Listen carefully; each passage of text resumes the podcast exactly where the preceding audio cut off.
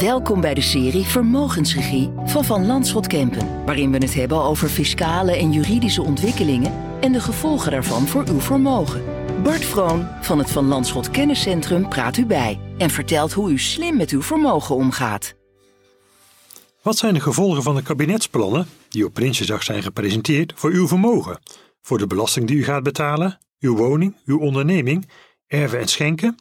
Voor een antwoord op deze vragen praat ik met Bart Vroon, vermogensstructureerder bij het Verlandschot Kempen Kenniscentrum. Mijn naam is Maarten van der Pas. Bart, wat is nou jouw afdronk van deze Prinsjesdag? Want van tevoren dachten we hè, dat met een demissionair kabinet het niet heel spannend zou gaan worden. Die komen dan met wat dat heet een beleidsarme begroting. Ja, nou beleidsarm, dat is zeker waar. Hè? Want uh, er is gewoon heel veel verdeeldheid. Mm -hmm. Wat we zien is, uh, wat nu is gepresenteerd, is eigenlijk een voortvloeisel van de voorjaarsnota. Maar wat je ook ziet is dat er uh, ja, dat de onderlinge loyaliteit, daar is eigenlijk geen spoor meer van te bekennen. Maar als je nou kijkt naar de puur fiscale wetten, dan is het eigenlijk helemaal niet beleidsarm.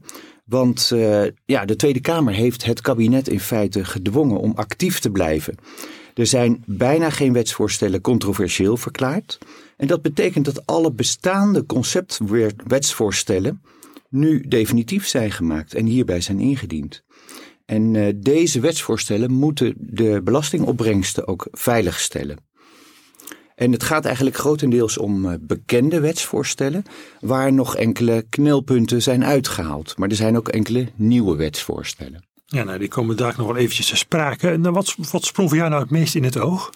Nou, bij mij eigenlijk wel de maatregel die per direct ingaat. Meestal heb je het over wetsvoorstellen die per 1 januari 2024 ingaan of per 1 januari 2025. Maar het kabinet treft nu een maatregel die per direct ingaat. Zoiets is ook wel eerder gebeurd. Maar waar gaat het hier om? Nou, per 1 januari 2025 komt er een einde aan de mogelijkheid om vermogen in vennootschapsbelastingplichtige familiefondsen en cv's te beleggen. En er wordt wel een overgangsregeling getroffen voor de fondsen die op Prinsjesdag om kwart over drie, dat wordt dan ook echt zo precies mm -hmm, beschreven, ja. uh, die op dat moment al bestaan.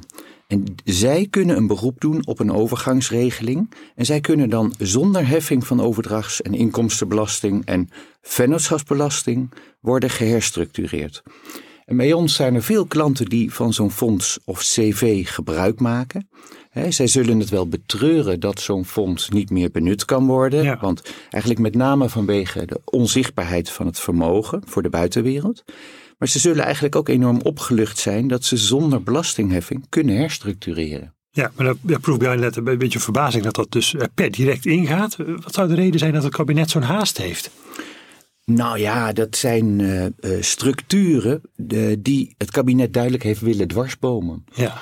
En het gaat eigenlijk in concreto om situaties waarbij mensen vastgoed in privé hebben. Dat hebben ze in box 3. Mm -hmm. En dat willen ze graag naar box 2 overbrengen zonder overdrachtsbelasting. Nou ja, tot Prinsjesdag kwart over drie kon dat dus. Ja, nu, uh, en nu eigenlijk niet meer. Niet meer, nee. En dan ging het natuurlijk op Prinsjesdag ook vooral over bestaanszekerheid, armoedebestrijding, koopkrachtverbetering en verdeling van inkomsten. Waar zag je dat terug in de plannen? Nou, het kabinet doet aan herverdeling van de hoogste inkomens naar de armsten. En uh, de rekening uh, voor dat miljardenpakket om de meest kwetsbare huishoudens te helpen, gaat duidelijk naar de hogere inkomsten, inkomens. Hè? Mm-hmm. Naar de mensen die veel verdienen, dus de veelverdienende zelfstandigen en de ondernemers. Die worden eigenlijk met name daarin getroffen. Ja. En om de armste Nederlanders te ondersteunen, gaat, eigenlijk de, gaat het meeste naar de verhoging van de kindgebonden budget en naar de huurtoeslag. En daarnaast gaat ook de arbeidskorting omhoog. En zo voorkomt het kabinet dat in deze regeringsperiode het aantal mensen in armoede oploopt naar 1 miljoen. En de dekking voor dit pakket wordt vooral gevonden door de schijf van het hoogste tarief voor de inkomstenbelasting minder snel te laten stijgen dan anders het geval zou zijn hè, met deze hoge inflatie. Het toptarief blijft wel 49,5 procent, maar het tarief in de eerste schijf, hè, tot, tot ongeveer 38.000 euro, gaat wel in drie stappen omhoog. Van 36,93 procent naar 37,04 procent in 2027. En veel verdienende ondernemers gaan ook meer belasting betalen, doordat de MKB-winstvrijstelling wordt verlaagd van 14 naar 12,7 procent. Ja, als ik het goed begrijp, dan met name de civiel verdienende zelfstandigen en ondernemers, ja, die, betalen, die krijgen de rekening of betalen de rekening voor dat herverdelen van inkomsten. Dat is juist, ja. Bart, eh, box 3, of ja, uiteraard box 3 zou ik willen zeggen. De vermogensrendementsheffing, de laatste tijd weer veel in het nieuws. Zo wil staatssecretaris Van Rij vanaf 2027 een knip aanbrengen tussen spaartegoeden en effecten enerzijds waarvoor er dan een vermogensaanwasbelasting zou moeten komen. En voor vastgoed en minder liquide vermogen anderzijds waarvoor er dan een vermogenswinstbelasting zou moeten gelden. Ondertussen loopt bij de Hoge Raad nog een procedure over de rechtmatigheid van de tijdelijke herstelwet. Praat ons even bij over box 3. Over box 3 is gewoon veel te melden. Er zijn veel ontwikkelingen, maar het is duidelijk: vermogenden betalen de tegenvaller in box 3. En het was ook nog niet bekend hoe het kabinet een aantal tegenvallers voor de schatkist zou gaan opvangen. Bijvoorbeeld de 400 miljoen die minder binnenkomt als gevolg van het uitstellen van het nieuwe belastingregime. Dat zou per 2026 ingaan, gaat nu per 2027 in. Ja, dat was zo'n tegenvaller. Dat was een tegenvaller, ja. En dat geld haalt het kabinet alsnog binnen uh, bij, bij de vermogenden. Uh, door het tarief versneld te verhogen van 32% naar 34% en door het heffingsvrije vermogen niet te indexeren. Dus voorlopig, hè, vanaf 2024, mhm. blijven we gewoon werken met, dat, met een forfaitaire heffing over drie categorieën, namelijk banktegoeden, overige bezittingen en schulden. En die tarieven, eh, de forfaitaire tarieven, die worden voor sparen en voor de categorie beleggen pas aan het einde van het eh, belastingjaar definitief.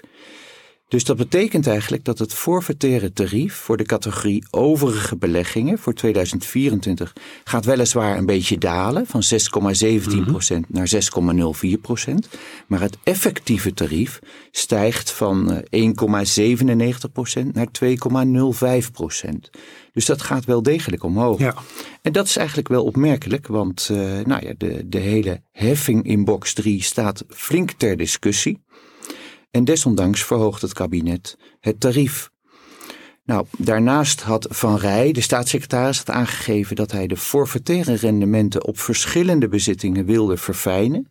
Maar daar heeft hij eigenlijk uh, uiteindelijk van afgezien. Er zijn wel een paar versoepelingen aangekondigd en die worden met terugwerkende kracht per 1 januari 2023 in werking gesteld.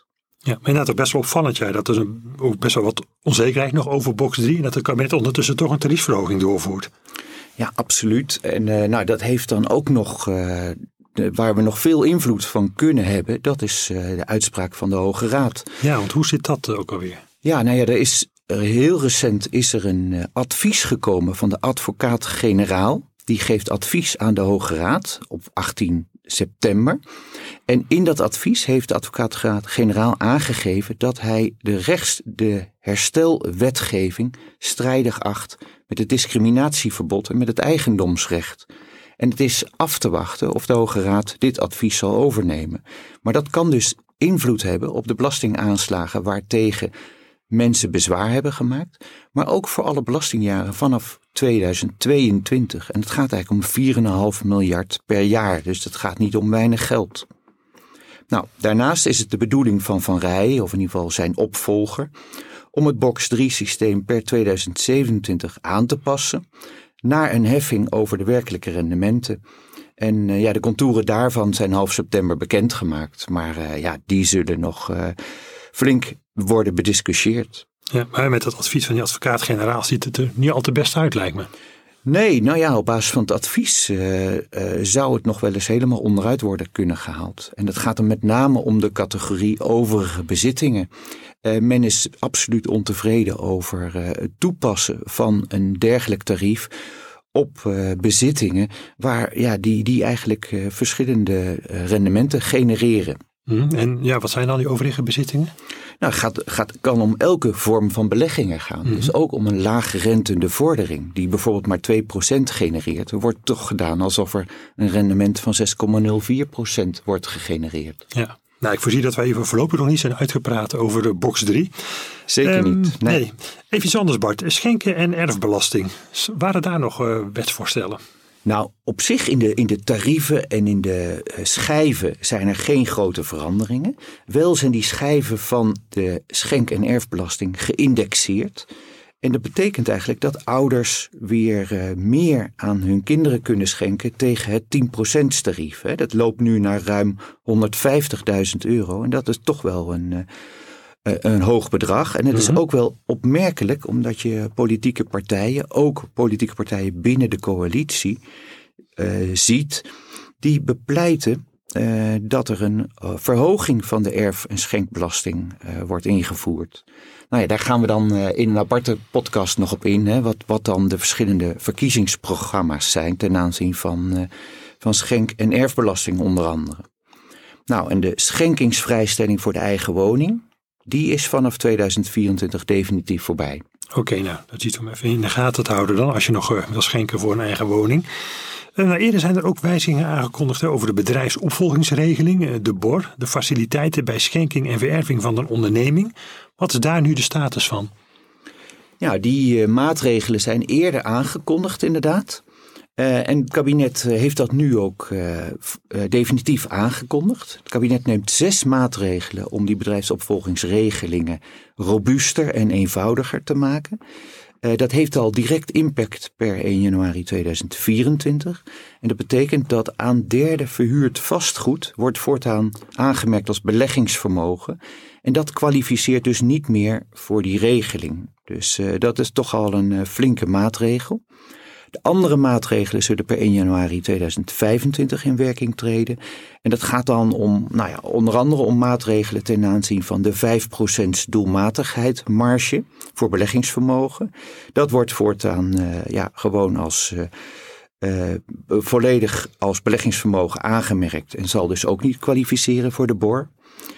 Ook is er een regeling voor bedrijfsmiddelen met een waarde van meer dan 100.000 euro, die zowel zakelijk als privé worden gebruikt. Nou, die kwalificeren dan ook niet meer voor de BOR. Of niet, in ieder geval niet meer voor zover zij niet in de onderneming worden gebruikt. Nou, verder zijn een aantal criteria waaraan geschroefd wordt. Je hebt een zogenaamde dienstbetrekkingseis. Nou, die komt te vervallen. En ook een, uh, een, een soort leeftijdseis bij schenking aan kinderen. En die wordt op 21 jaar vastgesteld. Nou, tot slot heb je ook nog uh, dat de, uh, de vrijstelling zelf wordt verruimd naar anderhalf miljoen. Maar het bedrag daarboven wordt beperkt. Dat gaat van 83% naar 70% vrijstelling van het ondernemingsvermogen. Nou, dat zijn toch allemaal wel flinke veranderingen. Ja. Waarbij ik eigenlijk wel op onze luisteraars uh, aandring. Dat ze goed kunnen nadenken of, uh, of zij niet nu alsnog van de BOR gebruik willen maken. Want dit is echt wel het moment. Ja, want er verandert echt veel bij die BOR. Dat is, dat is wel duidelijk wat je, wat je allemaal opzomt. Ja, tot slot Bart natuurlijk. Hè, de tips voor de luisteraars.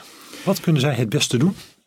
Nou, wat ik net al noemde, uh, wil je de BOR nog benutten, dan is het uh, eigenlijk uh, nu het moment. Hè. Je, zou, je, je ziet die ver verandering ten aanzien van verhuurd onroerend goed. Dus als daar sprake van is, dan zou je nog voor 1 januari moeten schakelen. Ja, dan moet je maar verder zie je ook dat die vrijstelling verandert. Dus het wordt eigenlijk wat dat er gaat ook een beetje een rekensom. Dat als je er gebruik van wil maken, dat je kunt nadenken van nou ja, wanneer kan ik er optimaal van gebruik maken. Ja. Dat is eigenlijk mijn eerste tip. Mm -hmm. De tweede is, uh, en dat is eigenlijk nog niet aan de orde geweest, hè, de wijziging van het box 2 tarief. Dat gaat definitief door. Er komt een knip. Dat betekent dat uh, een bedrag van 67.000 euro per persoon tegen een lager tarief kan worden uitgedeeld als dividend, tegen 24,5 procent. Maar voor het meerdere geldt een tarief van 31 procent. Dus als een luisteraar een grote dividenduitkering uit zijn BV wil halen, dan kan dat beter in 2023. Ja. Dat is een tweede tip. Uh, een derde gaat over de eigen woningschenking. Nou, die kan dus dit jaar nog plaatsvinden tegen 29.000 euro. Dus de schenking door bijvoorbeeld door grootouder en kleinkind zou dit jaar nog kunnen plaatsvinden. Volgend jaar is dat voorbij. En tot slot, uh, nou ja, ik zou vooral willen zeggen, lees onze blogs. We hebben een blog gemaakt over uh, de consequenties voor de vermogende particulier en eentje voor de DGA. En ik bekijk ook ons webinar, want daar kunnen luisteraars ook vragen stellen. Ja, nou die blogs staan op www.verlandschot.nl en klanten krijgen die ook netjes thuis bezorgd via onze e-mail nieuwsbrief. Ja, en dat webinar waarover je sprak, hè, dat is donderdag 21 september. En ja, en klanten kunnen dan uh, bij een banker informeren om zich daarvoor aan te melden. En inderdaad, als wat je zegt, als ze vragen hebben, dan kunnen ze die daar stellen aan onze deskundigen. Nou, bedankt Bart voor jouw toelichting. En het, is, uh, ja, het was in ieder geval voor een Prinsjesdag die uh, veel impact had voor vermogenden. Dat is, dat is wel duidelijk. En ja, de hogere inkomens, ja, die betalen de rekening voor de herverdeling van het inkomen. En dat vermogen in tegenvaller in box 3 betalen. Dat heb je ook uh, genoemd. En, ja, en, wie van de bedrijfsopvolgingsregeling gebruik wil maken, moet goed op de aanpassingen van de regeling letten. Hè, want daar verandert nogal het een en ander.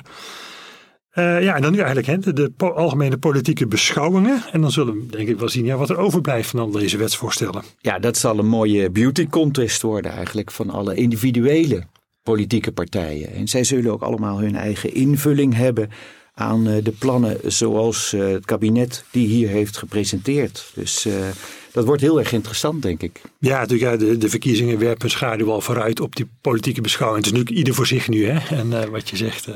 Ja, je zult zien dat iedereen eigenlijk wel zijn eigen invulling heeft aan de koopkrachtsteun. En je ziet dat er heel veel daadkracht is binnen de Tweede Kamer, maar vooral individueel en niet als uh, coalitie of als, uh, als, als, als, waarbij mensen gezamenlijk optreden. Ja, ja, ja toch spannend. Van die, toch die grote hoeveelheid wetsvoorstellen die nu is ingediend. Ja, wat er uiteindelijk uh, van overblijft en wat doorgaat. Ja, we noemen al de Tweede Kamerverkiezingen. Bart, ja, wij gaan nu de verkiezingsprogramma's van de, de verschillende partijen doorlezen. Op wat zij allemaal willen. Met bijvoorbeeld het belasten van vermogen, de eerste of tweede woning en schenken en erven. En wat dat voor u betekent. En onze bevindingen die presenteren we in een podcast vlak voor de verkiezingen. Bedankt voor het luisteren naar Vermogensregie, een serie binnen de podcast van Van Landschot Kempen.